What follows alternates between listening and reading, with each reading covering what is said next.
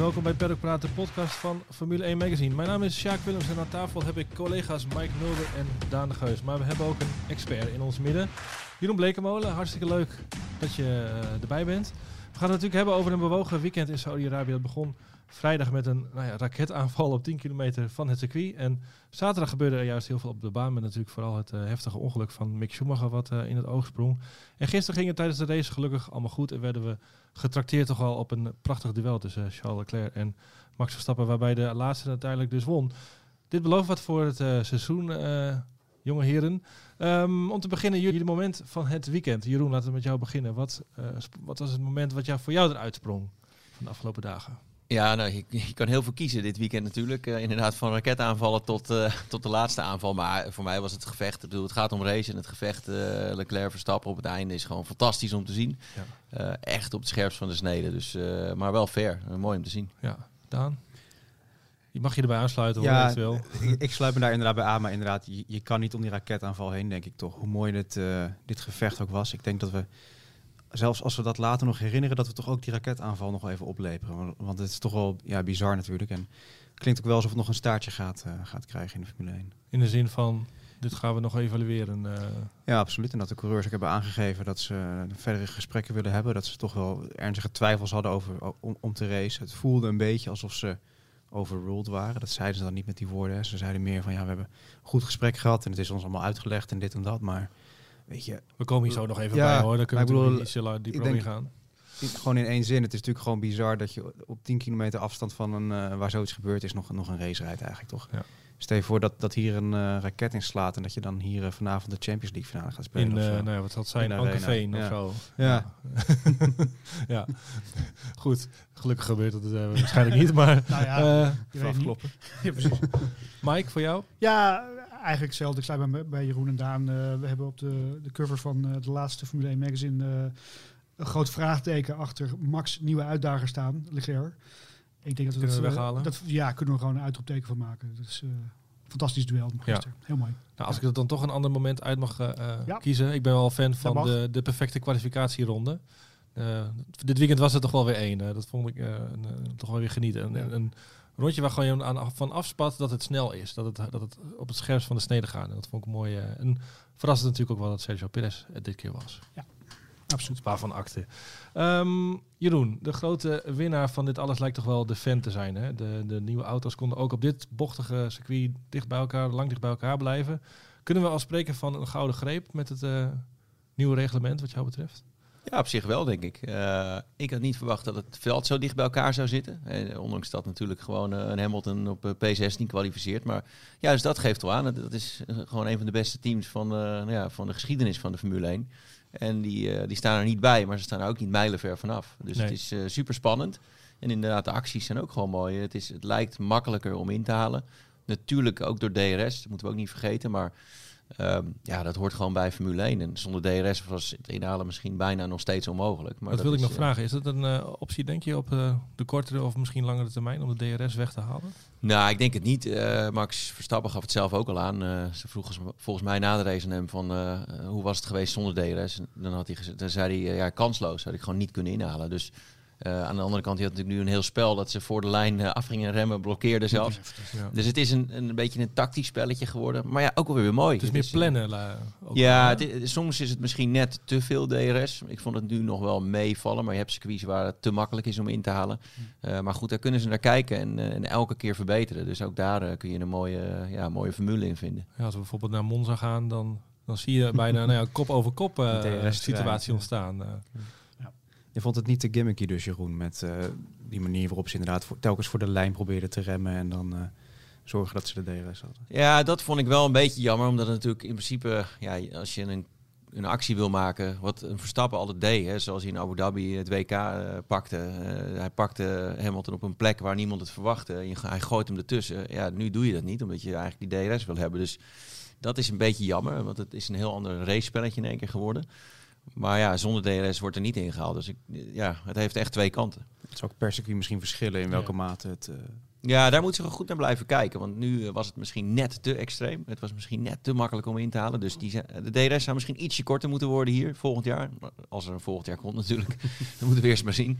Maar ja, zo moeten ze per circuit echt even goed gaan kijken van... eh, ja, hoe, is het niet te extreem of is het niet te weinig? Wat ik ook wel interessant vond, is dat het eh, duel, duels eigenlijk rondenlang konden doorgaan. In het verleden zag je altijd meestal wel na een paar inhaalpogingen dat het na twee rondjes gedaan was en dat de achterligger eh, klaar was. Maar je ziet nu gewoon dat het eh, rondenlang door kan gaan. Dat is ook wel, eh, denk ik, een goede aanpassing. Ja. Je, zei, Verstappen probeerde op een gegeven moment even de DRS... of in ieder geval af te wachten voor die lijn. Hij wilde er niet voor zitten. Dat deed hij in eerste instantie wel. Toen vroeg ik me nog af van, is dat... Zou dat, zou dat een test zijn? Misschien kan ik het eh, hè, op het rechte stuk toch af. eh, terwijl uh, Leclerc die DRS heeft, aangezien uh, Red Bull had immers die superieure topsnelheid. Of was het juist een geval van hè, dat nog even die ongeduldigheid die hij heeft? Of hoe, uh, ja, het is een beetje zoeken ook voor hun. Want hij in Bahrein ook eventjes op die manier uh, hè, werd hij ook wel uh, verslagen uiteindelijk. Hoor, ja. Want hij dus ja. te vroeg op kop uh, leek te komen. Ja, en daar vond ik hem een paar keer eigenlijk onverstandig. Want ik denk in Bahrein, als hij uh, één of twee keer had gewacht, erachter was gebleven, had hij hem in de tweede DRS-zone daar ja. wel kunnen pakken. Want en als je het nu ook, dus ook deed. Ja, precies. En als je dan net dat gaatje kan slaan, dan ben je safe in één keer. En dat, dat had misschien gekund daar. Dus ik vond hem daar niet super sterk in het gevecht. hier was hij aan het zoeken. Maar als je een Abu Dhabi vorig jaar erbij pakt, hij deed een actie op Hamilton zo laat in, in, die laatste ronde. Dat Hamilton eigenlijk een beetje verbaasd was en schrok. Waardoor hij ook slecht het rechte stuk opkwam.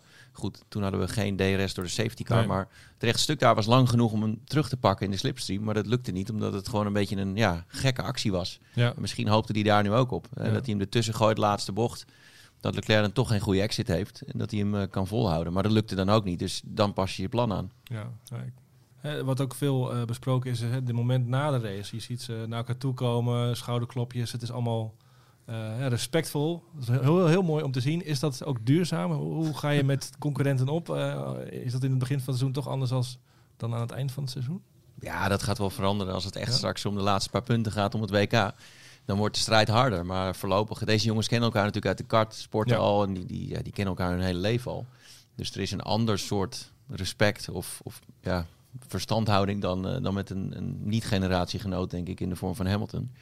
Um, en ja, ze, zijn, ze racen allebei hard. En ik denk dat Hamilton uh, wat voorzichtiger en wat meer nadacht. Uh, die, begon, ja, die begon gewoon anders in, in deze strijd. Ja, die is ook wat harder geworden en dat ging uiteindelijk fout. Maar dit kan natuurlijk ook fout gaan. Mm -hmm. En als dit echt uh, zo spannend wordt zoals vorig jaar qua punten, dan gaat het zeker fout. Want je ziet nu wel een verschil in benadering van Leclerc als er dan dat Verstappen bij Hamilton deed. Ja, die, dit is een soort natuurlijk gevecht nog, ja. uh, waarbij je elkaar wel de ruimte geeft. Ik denk ook dat de, de, nieuwe regels, zoals ze nu het inhalen en het ruimte geven aan elkaar, zoals ze dat nu echt streng aanpakken, ook in de Formule 2, uh, ja, dat helpt ook wel. Je denkt er iets meer over na. Verstappen liet eigenlijk tot aan nu altijd die auto naar buiten lopen als hij binnen zat. En uh, het maakte niet uit wat ernaast zat of hoe het ging. En gelijk had hij, want zo ja. kon hij vaak de, de, actie maken. Maar dat kun je nu niet meer maken, want dan heb je meteen straf. Of ja. moet je die plek teruggeven. Dus ook de regels helpen er wel uh, bij, denk ik. Ja, maar goed. Zou het nou meespelen dat het ook nieuwe auto's zijn? Dat ze misschien nog niet helemaal tot op de millimeter precies weten hoeveel ruimte ze links en rechts kunnen, kunnen geven? Dat ze toch iets meer marge houden? Ja, misschien wel, maar aan de andere kant, die jongens die, die zijn zo goed in het aanvoelen van waar de grens zit. Uh, maar het, ze zijn, je ziet wel dat ze aan het zoeken zijn. Uh, wat ik zei, ik denk dat, dat in Bahrein, als Max iets handiger was geweest, misschien wel de kop had gepakt. Uh, maar die was ook aan het zoeken van hoe doe ik dat nou? En, en dat doet hij nu wel. Dus je ziet dat ze ook in Leclerc andersom. Die had misschien ook deze race wel kunnen winnen. Maar ja, die zijn ook gewoon een beetje aan het kijken en aan het aftasten. Welke DRS wel en waar en hoe moet ik het aanpakken. Dus het, het spelletje is wel een beetje veranderd. Ja, ze zit ook natuurlijk nog niet in de beslissende fase van het kampioenschap. Op het moment dat je echt het do or die is, zoals in Abu Dhabi vorig jaar, dan is het gewoon ja, of ik word kampioen of niet dan ga je er ook voor. Ja, dat is ook heel anders. natuurlijk dan, dan in het begin van een kampioenschap met nog 20 races te gaan. Ja. ja, en in deze fase was het gewoon echt voor Verstappen wel belangrijk dat hij die race ging winnen. Precies. Want hij moet gewoon punten gaan goedmaken. Ja, ook al is het een heel lang kampioenschap. Ja. Hij weet gewoon, als, als ik nu weer tweede was geworden, of weer, maar in ieder geval uh, weer punten had verloren, dan is het gat meteen wel heel groot. Ik kan me ook wel indenken dat je misschien een soort denkbeeldige of gevoelsmatige lijn hebt. En dan, ja, zodra er eentje overheen gaat, dan is het hek vaak van de dam. En vorig jaar gebeurde het natuurlijk heel vroeg. En ja. Inderdaad, dit is natuurlijk gewoon nog nieuw. En het is een beetje afwachten wie nu eigenlijk als eerste over de... Over scheef gaat. Ja, ja. Ja. ja, en dat kan ook in een fout zijn. Hè. Soms dan doe je een actie die je net niet haalt. En dan kun je ook elkaar raken of iets ja. doen wat eigenlijk niet helemaal oké okay was. Dus, en die grens wordt steeds verder opgeschoven, of het nou wel of niet bewust is. Dus we gaan zeker dingen zien die eh, een beetje richting vorig jaar gaan. Maar of het zo heftig wordt, ja, dat denk ik eigenlijk niet. Eigenlijk het heftigste, heftigste gevecht was eigenlijk bij Alpine, eh, leek het wel. Tja. Tussen Ja. Ocon eh, die even dat blok zette op het rechte stuk. Ja, nou ook wel mooi dat ze die jongens laten gaan. Eh, ik denk dat daar ook veel respect zit tussen die twee rijders. Eh, en dat die achteraf... Dat zei Alonso ook achteraf. Ik had, al, ik had verwacht dat hij misschien wat, eh, nou ja, een beetje verbolgen zou zijn ook over de, de, de, nou ja, de rijstijl van Ocon. Maar hij zei, ja, hij vond het wel, hij vond het wel prima, leek het wel. Ja, het zijn natuurlijk gewoon racers. Ja. En, eh, en Alonso is een echte racer, zeg maar. Die, die vindt dat gewoon mooi, zo'n gevecht. Ja. Maar goed, eh, je moet als team er wel naar kijken, want het kost ook gewoon tijd. Ja, ik moest ook wel een beetje lachen om, om Saf nou. Ik zat Ja. zelf Formule 1 tv eh, te kijken. En toen zei hij heel stoer van, ja nee, we laten ze racen en eh, we gaan niet ingrijpen. En twee rondjes later was het geloof ik eh hold position. Ja, precies. Ja, het ging te ver. Dat begon Ja. langzaam uit de hand te lopen. Dus Ja. het is goed dat je dan als teambaas En ingrijpt. Bottas kwam erbij van achteren. Bottas Ja. en, en Magnussen aansluiten inderdaad. Dus dan eh, houdt het wel een beetje op, ja. Ja, die gevechten kosten zoveel Ja, tijd. precies. Eh, Ja. Dat zie je ook. eh, ja, je ziet het ook in de eenheidsklasse, als natuurlijk een Formule 2. Als ze beginnen te vechten, je bent meteen kansloos. Dus je, Ja. soms moet je echt het gevecht laten en Mhm. gewoon meegaan, meerijden en Ja. dan ja, voor later gaan vechten. Ja, ik denk maar dat je eh, in, in jouw eh raceklasse ook vaak daar afspraken over maakt. Dat je elkaar toch meer helpt om nou ja, maar zo snel mogelijk eh, rond te blijven rijden in plaats van elkaar dwars zitten. Ja, het ligt heel erg aan de race. Maar als je bijvoorbeeld kijkt naar een race in Amerika, heb je heel veel yellows. Dus en zeker die de 24 uur van Daytona bijvoorbeeld. Het heeft geen zin om in het eerste uur elkaar helemaal dwars te zitten. Ik heb vaak genoeg daar in de nacht gehad dat je gewoon achter iemand aanreed die ook snel was. Een beetje slipstreamen en eh, heel relaxed eigenlijk een uurtje geraced hebt. Niet 100% hebt gereden, Ja. maar je hebt geen seconde Dus verloren. je zegt het alsof je naar de supermarkt eh, rijdt. Ja, maar soms, soms kan dat ook echt. Eh, maar je weet ook, daar gaat een soort knop om. Van oké, nu begint de laatste drie, vier uur. Dus nu wordt het harder. En nu begint het laatste uur. Ja, dan is het gewoon alsof het WK moet, ja, beslist moet worden in Abu Dhabi, zeg maar. Dan Ja, is het alles of niets. Dus dat is ook wel mooi, want dan, dan begin je heel anders aan zo'n race dan dat je hem eindigt. Een hele andere instelling. Ja. Ik wil je nog vragen, kun je eigenlijk vrienden zijn met een, eh, een concurrent? Ja, zeker. Maar het is natuurlijk niet makkelijk. Ik denk dat met een echte aardsrivaal is dat heel moeilijk. Dat heb ik Ja. zelf ook wel gehad in de Porsche Cup bijvoorbeeld. Als het dan echt tussen twee jongens ging. Ja, dat wordt, dan word je gewoon vijand van elkaar. Ja. Eh, en dan ga je elkaar ook naast de baan dwars zitten. Dat Ja. hoort er dan ook een beetje bij. Hoe, naast de baan, als in, zet een stoel voor de wc of... eh, Ja, dat kan, dat kan. Maar eh, ja, dan, kun je, dan ga je naar andere dingen kijken Ja. ook. Dan ga je ook eh, kijken of je, ja, al, al zie je elkaar in de paddock, dan weet je al, ja, dan kijk je al anders naar elkaar. Of niet. Of, ja, of, of je kijkt elkaar helemaal niet aan. Maar Nee. dat, dan wordt de strijd harder. En dat kan ook, dat kan ook, dat is ook per strijd verschillend. Maar je kan zeker bevriend zijn met, met rijders. Ik, ja, ik ken genoeg rijders waar ik en tegen race en gewoon een goede verstandhouding mee heb. Maar die gaat af en toe fout. Ja. In een gevecht kan het wel eens eh, zijn dat je het niet met elkaar eens bent. Ja, ja, ja. ja. Ehm, wat, eh, het circuit zelf, daar, wa- daar was wel ook wel wat om te doen om de, om de veiligheid. Wat vind je, wat vind je eigenlijk van eh, dit Jeddah Corniche International Circuit? Ja, nee, ik vind het vragen om problemen en wachten op problemen. Ja. Eh, dit, eh, we hebben nu eh, vorig jaar best wel wat gezien, dit jaar weer. En het, had, het, ja, het kan hier echt een keer fout aflopen. Als er echt een keer iemand op, de, op het verkeerde punt komt te staan en er klapt er een in. Nou, dan, ik bedoel, we hebben Rouge gezien een paar jaar geleden, Formule 2. Zo'n klap kan gewoon gebeuren daar, want het is te snel, te blind. En er kan niemand wat aan doen. Dus ja, voor mij is het gewoon, moeten ze echt wat gaan doen daar aan die baan. Ja, en, en hoe stap je eigenlijk in de, in de auto als je bijvoorbeeld, hè, zoals met Mick Schumacher, zie je er zo hard afgaan, het lag bijna een uur stil, de, de, de sessie. Stap je dan ook met een andere mindset in weer daarna? Ja, ik denk het wel. Ik denk vooral de jongens die wat ouder zijn, die al wat meer hebben meegemaakt. Ik merk dat bij mezelf. Dan, dan denk je er misschien iets meer over na. Die jonge gasten die zullen misschien denken van nou ja, verstand op nul en gaan. Maar ook die, die zullen heus wel nadenken van poeh, dit is toch wel heftig. Dus het is maar net hoe je erin staat. Maar ik denk dat iedereen wel even bij zichzelf nadenkt van ja, dit is toch wel eh, echt de grens opzoeken. Mhm. Dus er is wel iets om over na te denken eigenlijk voor de Formule 1. hè, Want ze gaan toch meer en meer de kant op van de stratencircuits. Veel racen in steden natuurlijk. In Monaco zien we ook elk jaar eigenlijk wel een keer iemand vrij hard eraf gaan. Maar het verschil is hier natuurlijk, er staat echt gewoon een soort betonnen muur langs, langs de baan. Is, is dat echt zoveel heftiger dan, dan zo'n vangrailtje? Ja, het beton is gewoon niet goed. Dan moeten ze van die safety walls gaan maken, wat je in Amerika ziet op de ovals. Dan is het dan een stuk beter. Maar ja, in Monaco gaat bijvoorbeeld ook af en toe fout. eh, omdat je daar ook 0,0 marge hebt. Alleen daar ligt de snelheid is vrij laag. En natuurlijk tunnel uit ga je daar ook wel 300. Dus dat is, dat is voor mij ook een punt waar het wel een keer fout kan gaan. En waar, waar natuurlijk al in het verleden best wel wat gebeurd is. Ja. Eh, waar een Wendelinger bijvoorbeeld in coma is geraakt. Hele andere tijden, want die auto's zijn nu veel veiliger. Maar Dat zijn wel punten die, die link blijven. Alleen hier is de snelheid eigenlijk het hele rondje zo hoog dat dat gewoon, ja, dan is de kans dat er een keer echt wat fout gaat, is nog veel groter. Denk, eh, als jij zo'n ongeluk ziet als van Schumacher, dan, dan, dan knipper jij ook wel even met je ogen, of, of, niet, denk ik. Ja, nou gek genoeg, toen ik de klap zag, dacht ik, hij is gewoon oké, niks in de hand. Ja. Eh, en toen duurde het heel lang, dus toen begon ik toch wat te twijfelen. duurde lang voordat je de replay kon zien, dus toen begon ik helemaal te twijfelen. Maar mijn eerste reactie was niet van deze is fout. En ik heb best wel vaak bij, zeker bij fatale ongelukken, zei ik meteen van nee, dit is niet goed. Eh, bij de klap van de Formule 2 op Eau Rouge, maar ook met IndyCar, als je op een oval wat zag, zei ik ook van nee, dit, dit komt gewoon niet goed. Maar deze klap dacht ik niet meteen van eh, dit is foute boel. Nee. Ik vond het wel wat gek, want ik zag hem later pas, en ik, ik was zaterdag even weg. En toen ik hem uit de eerste hoek zag, dacht ik van nou, dat valt wel mee. Waar maakt iedereen zich druk om? En dan zie je hem vanaf achter en dan zie je pas eigenlijk hoe hard hij echt een zwiep, hè? op die mu- muur stuitert Ja. inderdaad. Ja. Ja, het, tuurlijk. Het zijn enorme impacts die, die je maakt. Eh, dus dat het hard is, ja, dat weet je. Maar je bent ook zo goed beschermd. Eh, maar ook in zo'n klap, als je pech hebt, als je net op, ja, op de verkeerde manier die muur raakt, dan, eh, dan kan het nog steeds heel fout aflopen. Alleen ja, de auto's zijn wel heel veilig geworden. Oké, en, en nog even, eh, we kunnen er natuurlijk niet omheen, dat hele de controverse rondom het racen in Saudi-Arabië. Wat, wat vind je daarvan? Want, eh, er wordt natuurlijk ook veel druk op coureurs gelegd van eh, mo- jullie moeten eh, uitstappen of juist niet. Of, het lijkt me, lijkt me wel een lastige positie. Ja, Ja, dat, is heel lastig. Ik denk dat ik zelf niet graag geraced had daar, als ik daar zou zijn als rijder. Maar ja, als ik als 20-jarige net in de Formule 1 zit, dan, ja, dan denk je, maar ja, ik, in, ik, ik kan nu ja. ook niet zeggen, ik ga niet racen. Maar als je een Vettel bent die er helaas niet bij was, of een Hamilton, of, of ja, gewoon wat, wat ouder en, en wat te zeggen hebt, dan, dan ja, kun je wel opstaan en zeggen, nee, dit is gewoon niet oké.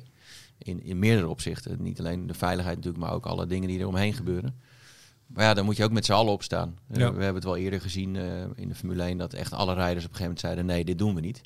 En dan kan je wel wat voor elkaar krijgen. Dus, maar ja, het blijft lastig. want Je hebt genoeg eh, jonge rijders erin zitten die, eh, die willen gewoon racen. Dus het, het is een moeilijk dilemma. En het zijn ook de teambazen en, en de mensen eromheen die daar hun verantwoording moeten pakken en daar ook reëel in moeten staan. Ja, die stond ook wel best wel uiteenlopend in, vond ik zelf. Toto Wolff, die, hebben, die begonnen over Tel Aviv. Daar gaan we ook graag met z'n allen heen. En daar is nou ja, eigenlijk ook een, een soort raketschild eh 24 uur per dag actief. Het is hier normaal. ja, maar ja, ik bedoel, in Afghanistan is het ook normaal, maar daar racen we ook niet. Nee, Want daar wordt niet betaald en in Sa- Saudi natuurlijk wel. Maar het blijft toch een bizar idee dat je als. Ja. Formule 1 paddock eh te horen krijgt... ja, er is hier een schild dat, dat, dat beschermt ons tegen raketten... en daarom kunnen we hier racen. Dat, dat is toch... Het is lastig. Ik, ik Ja. ken eh, de, de organisator heel goed. eh, de, ja, de minister van Sport zeg maar, van Saudi-Arabië. Die, race zelf ook. Daar heb ik veel 24 uur Ah, races oké, mee ja. gereden. Ehm, Al Faisal. En dat is, als je die gewoon kent, is dat eigenlijk de meest normale westerse man. eh, heeft gewoon een eh, één vrouw, niet, niet tien. eh, is, eh, is de meest aardige. Die, dan- en dan kun je dat beeld helemaal niet eens meer matchen met dat land, zeg maar. Nee. Dus ik snap ook wel dat je er een soort van intuint. Dat je denkt van ja, maar ze gaan gewoon een mooie race organiseren. Het is goed georganiseerd. Maar ja, het is wel Formule 1 en je moet dat wel goed onderzoeken. Dus het, het zijn gewoon hele lastige gevallen. Ja. Ik vind ook niet dat je die beslissing bij de coureurs moet laten eigenlijk. Dat is hetzelfde, Nee. hetzelfde discussie die je hebt met eh, WK voetbal in Qatar. Dat moet je niet bij de sporters zelf neerleggen. Dat moet je bij de bonden neerleggen. Bij de FIA, bij de FIFA. Die moeten gewoon zeggen van we gaan het wel doen of we gaan het niet doen. Eh, of daar nou finan- financiële belangen bij zijn of niet. Het is to- totaal ondergeschikt. Dus ik, eh, ik zou, ik bedoel, dat ze die coureurs erover overleggen. Prima. Alleen je moet die beslissing niet bij de jongens neerleggen. Nee, nee die, dat is een onmogelijke taak. Ja, precies. Je zaten En in- daar drie, vier uur inderdaad lang met de pers erbuiten. alsof daar beslist moet gaan Ja, worden precies. of de race doorgaat. ja, dat slaat nergens op. Ja, ik, ik denk waar vooral veel mensen zich aan storen is dat de Formule 1 natuurlijk, ja, dat is misschien ook de moderne tijd, maar wel wat politieker is geworden de afgelopen jaren. Hè, met, met statements voor mensenrechten, voor, voor diversiteit en noem het maar op. En dat je dan gaat racen in Saudi-Arabië. Nou, we hebben natuurlijk vorig jaar ook al al die, eh, die controverse om gehad. En het kromme is ook, als er echt heel erg geld nodig was, dan zou je het snappen. Maar als Dominicali dan zegt van ja, we kunnen wel 30 races houden, zoveel eh, animo is er. Dan vraag ik me ook af, ja, dan moet je als sport ook zo stoer zijn om te zeggen, nou dan zeggen we nee tegen het geld uit Saudi-Arabië en dan gaan we wel naar, eh, weet ik veel, goed, Las Vegas dat het is goed dat we hier zijn en we kunnen hier Ja. iets veranderen. En het is ook maar de vraag of je dat Ja, moet willen. Maar nee, precies. Maar kijk, dat is natuurlijk wel een nobel streven en daar kun je altijd een, een case voor maken. Maar kijk, sport wordt gewoon gebruikt ja, door die landen natuurlijk om hun imago op te vijzelen. En, en het is die hele sportwashing discussie die heel moeilijk is. Ik geloof ook wel dat je als sport een, een positieve rol kan spelen in, in, in dat soort landen. Maar ik denk niet dat je in één keer eh, ja, de, de factor bent waardoor, waardoor dat land in één keer in de 21ste eeuw eh, komt. Nee. Ja, het, is, het is mooi dat ze dat hele streven hebben, dat eh, Vision eh, 2013 of zo. 2030 is dat. Mhm. Maar ja, alsnog, je, je, je wordt wel gewoon gebruikt als een middel daarbinnen. En, en Ja.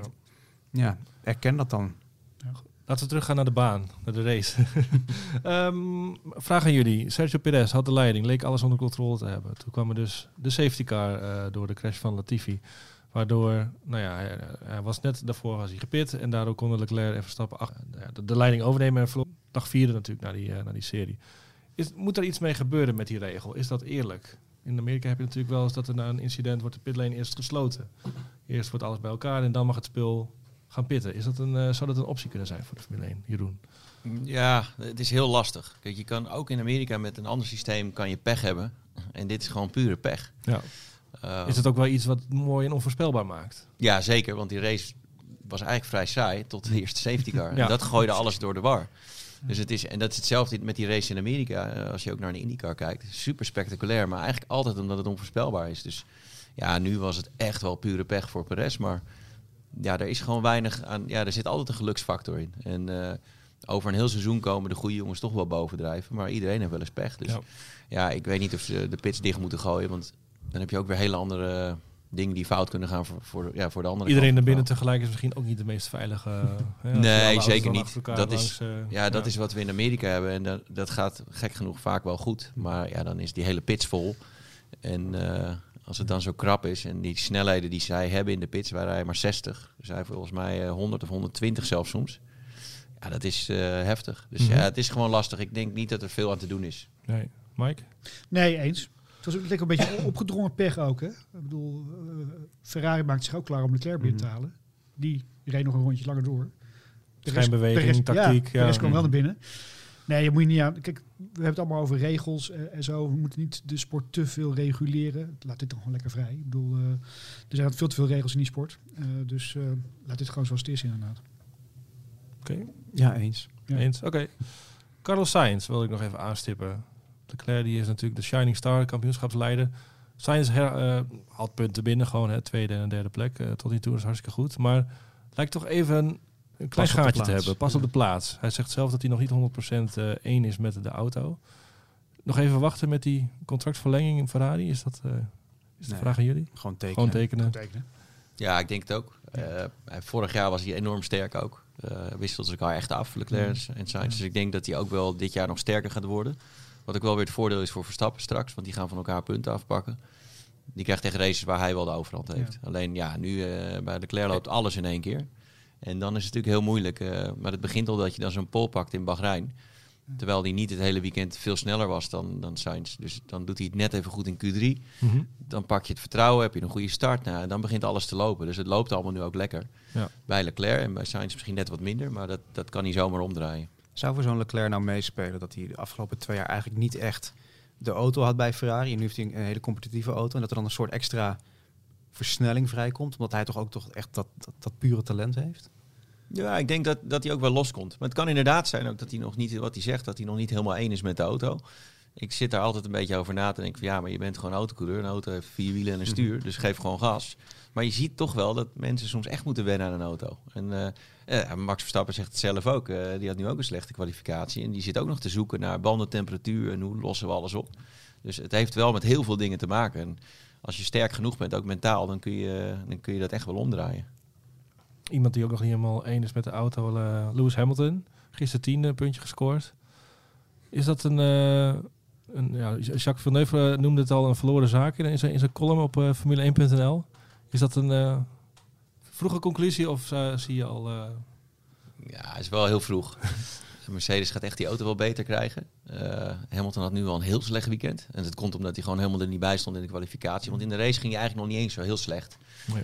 Ehm, alleen ja... eh, hij zei wel dat hij op een gegeven moment de haas niet kon bijhouden. Dat was toch wel een opvallende uitspraak. ja, Dus, eh, hij, hij is ook niet van tevoren verwacht. Nou, op een gegeven moment had hij ook wel echt oude banden en zo. Maar Ja. Ah, ja. Ja, je ziet wel dat hij, dat hij gewoon... eh, je zag bij Vlagen wel dat het de zevenvoudige wereldkampioen is... met bepaalde acties en de snelheid gewoon gemiddeld gezien. Alleen die auto is dit, op dit moment niet goed genoeg. En eh, ja, Russell stond er wel beter bij. Dus als ze dat weer een beetje op kunnen bouwen. En in Bahrein deed hij natuurlijk ook niet zo slecht. Eh, dit is een gek circuit. Eh, hier moet je vertrouwen hebben, zeker met die hoge snelheden. Dus als je straks weer een normaal circuit hebt, dan eh, staat hij er zomer weer bij. Ja, ja, ja. Ik denk dat Imola een hele belangrijke race gaat worden voor Mercedes. Dan eh, heb je natuurlijk Australië, zit nog tussendoor ook een beetje een apart circuit, natuurlijk ver weg. Hè, dus met updates heen en weer vliegen ook weer lastig. Die zullen er wel niet zijn, zou je zeggen. Nee, ja, en Imola is natuurlijk de eerste Europese, dus dat is traditioneel waar je echt met de grote updates komt. Eh, ja, daarna hebben we geloof ik weer een gekke met Miami. Ja. Daarna is het Barcelona. Dus eh, ja, dat, als het ze daar lukt om aan te haken, dan, of, of in ieder geval een flinke stap te zetten, dan, dan kan het echt nog wel goed komen dit jaar. Maar als je inderdaad gaat kijken naar eh, race 5, race 6 eh, voor ze erbij zit, of, of nog later, dan is het, is het wel klaar natuurlijk. Ja. Volgens mij ligt hij nu 28 punten achter of 30 of zo. Dus het gaat, gaat wel hard natuurlijk zo, hè? Tikt wel aan. Hè? Ja, als het zo de punten 23 blijft halen. Ja. Ja. Ehm, wat ik nog even wil vragen, Jeroen Gasly eh, vertelde, Pierre Gasly, dat hij aan- in de slotfase van de race had hij ongelofelijke pijn in zijn darmen. Noem maar. Ik weet nog niet precies wat er nou aan scheelde, maar eh, hoe, hoe doe je dat als coureur? Als je, heb, je, heb je dat wel eens gehad? Heb je wel eens zo'n ervaring gehad dat je een, een, een, een steek in je zij of er zat iets in je stoel wat prikte? Hè? Kramp. Kramp kan natuurlijk ook. Hongerklop. Ja, nee, zeker. Kijk, Kun je, dat- eh, kun je dat uitschakelen dan? Nee, dat is moeilijk. Maar ja, wij maken dat heel vaak mee. Want met een 24 uur race gaat het nooit 24 uur goed met je. Natuurlijk rij je geen 24 uur. Maar ik heb, eh, ik heb wel eens Mans 14 uur achter het stuur gezeten. En echt niet dat je 14 uur lang eh, topfit bent. Nee. Dan ga je er echt, dat zijn pieken en dalen. Ehm, en dat is heel moeilijk. Dus, ja, je hebt daar wat langer de tijd, maar tegenwoordig zijn het ook sprintraces. Dus het is niet zo dat je even een paar rondjes rustig aan kan doen. Dus dat zijn echt momenten waar je moet doorbijten. Ja. En ik denk ook dat jongens die lange afstanden hebben gereden, daar dan weer beter mee om kunnen gaan. Want dan heb je dat gewoon een paar keer meegemaakt. En Formule 1 is dan wel heel lastig. Want ja, zeker die jonge, jongens, als, dat niet, als je niet... Alles wordt helemaal 100% voorbereid. Hè? Van tevoren met de mental coach erbij en de balletjes opvangen. Ja. Eh, zeker Gasly bijvoorbeeld. En als dan één van die dingen niet helemaal klopt, dan zit dat meteen in je hoofd. En, dat is wel het voordeel als je ervaring hebt en, en echt die lange races rijdt. Dan heb je heel vaak de dingen niet in orde waren. Ook Nee. met de auto of wat dan ook. En op als deze, als dit had je natuurlijk ook geen, geen rustmoment. Het, Dat maakt ook een heel groot verschil wat, wat voor soort circuit het is. Als je inderdaad geen rust krijgt, dan is het nog veel lastiger. Maar ja, je moet er gewoon eh, doorbijten en gaan. En natuurlijk, soms zijn, doen dingen te veel pijn en verlies je er gewoon tijd mee. Maar ik denk dat andere, sommige reizen ook wel weer heel goed eh, ermee om kunnen gaan. ja. Heb je, heb je een soort trucjes dan of zo om, je- om, om, om, dat voor elkaar te krijgen, dat doorbijten? Of is het echt gewoon eh, kiezen op elkaar en eh, als je de helm af doet, eh, dan, dan, dan pink je misschien een traantje weg? eh. Ja, je kan heel diep gaan. eh, en dat, dat kom je dan pas achter eigenlijk. Ik heb wel eens een race gehad dat ik, dat heb ik nu twee keer gehad, dat ik daarna in het ziekenhuis lag. Omdat ik gewoon uitgedroogd was en meteen oud ging. Maar wel die race uitgereden. En op het moment dat de finishvlag viel, toen ging het fout meteen. Ik zag sterretjes en viel gewoon letterlijk flauw twee keer. Dan hebben ze me echt op moeten rapen en, en naar het ziekenhuis gebracht en een infuus gegeven. Maar dan ben je gewoon te ver gegaan. hè. Te, te, te weinig meer in je lichaam, te veel vocht verloren. En dan merk je eigenlijk hoeveel eh, je nog kan op, op adrenaline en kracht. Dat je gewoon doorgaat totdat die race is afgelopen. Ook gevaarlijk, want ik ben toen veel te ver gegaan met mijn lichaam. En ben ook wekenlang daar ziek van geweest, letterlijk. Maar eh, ja, dan zie je dat je gewoon eh, veel meer kan dan dat je eigenlijk denkt. Zoals ma- marathonlopers die naar de streep eh, in, instorten.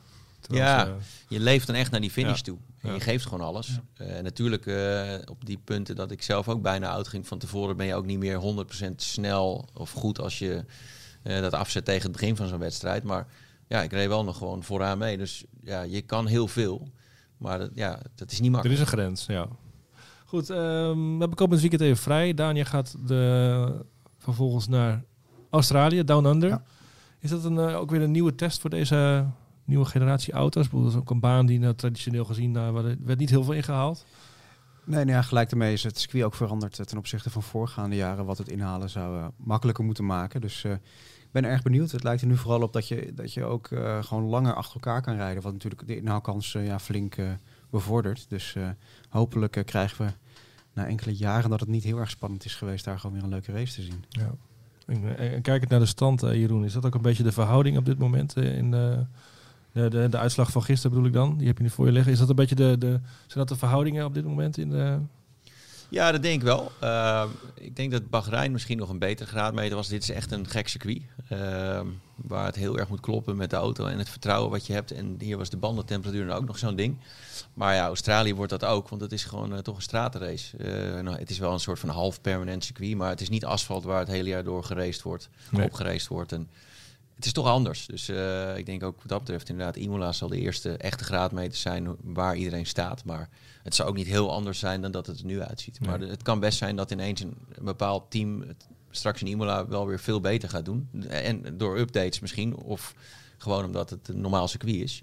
Maar het zal niet eh, compleet anders zijn. Nee. Wel leuk dat we weer naar Australië gaan, toch? Na twee jaar. Het blijft toch altijd wel een speciaal eh, Ja, een dat mooi, is, mooi evenement. Dat was natuurlijk vaak de, de start van de Formule 1. Ja. Eh, daar zag je dan wie er snel waren. En ook Ja. daar zag je dan een team wel eens winnen... wat dan vervolgens eh, toch geen kampioen kon worden.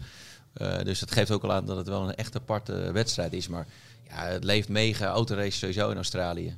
Ehm, en Formule 1 al helemaal. En dat is, is een prachtig evenement. Ja, goed.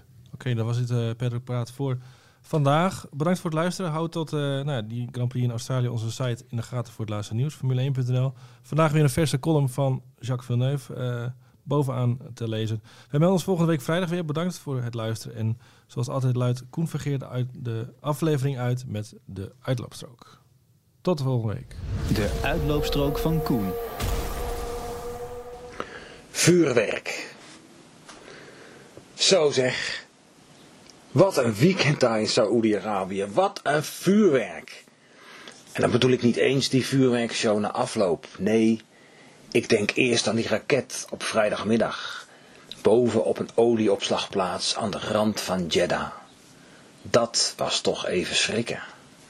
Hoewel, volgens Toto Wolf kijken de mensen in het Midden-Oosten daar niet meer van op. Niks bijzonders, een raketaanvalletje meer of minder. Hoort er gewoon bij. Oké. En op zaterdag de crash van Mick Schumacher. Dat was toch ook even schrikken. Natuurlijk werd Mick nagenoeg ongehavend uit zijn haas gehesen. Niks aan de hand. De Formule 1 is intussen net zo veilig als Jeddah. Een klapper van formaat hoort er gewoon bij. Oké. En tenslotte het slotakkoord op zondag. Wat een gevecht. Wat een zinderend duel. Racen zoals racen bedoeld is. Max versus Leclerc. Op het scherp. Om de zegen. Met trucjes, slimme positionering, zwabberende auto's elkaar in leven latend. Maar wel allebei vol erin om de laatste millimeters op te eisen. Ja, zo willen we het zien. Strijd, inhaalacties, vuurwerk. In één klap was het hele weekend gesportsworst. Toch, ik wil het feestje niet bederven. Toch gaan we wat mij betreft volgend jaar niet terug naar Jeddah. Niet eens zozeer om die raket, want die kun je momenteel overal op je hoofd krijgen. En zelfs niet eens zozeer om alle verschrikkingen in zaken mensenrechten, want dan moeten en moesten er veel meer landen op de lijst en is het eind al snel zoek. Wat mij betreft gaan we niet meer terug vanwege die baan. Ja, hij is snel. Hij is mega vet, super cool, uitdagend voor de rijders, jaw-dropping voor het publiek, maar hij is te gevaarlijk.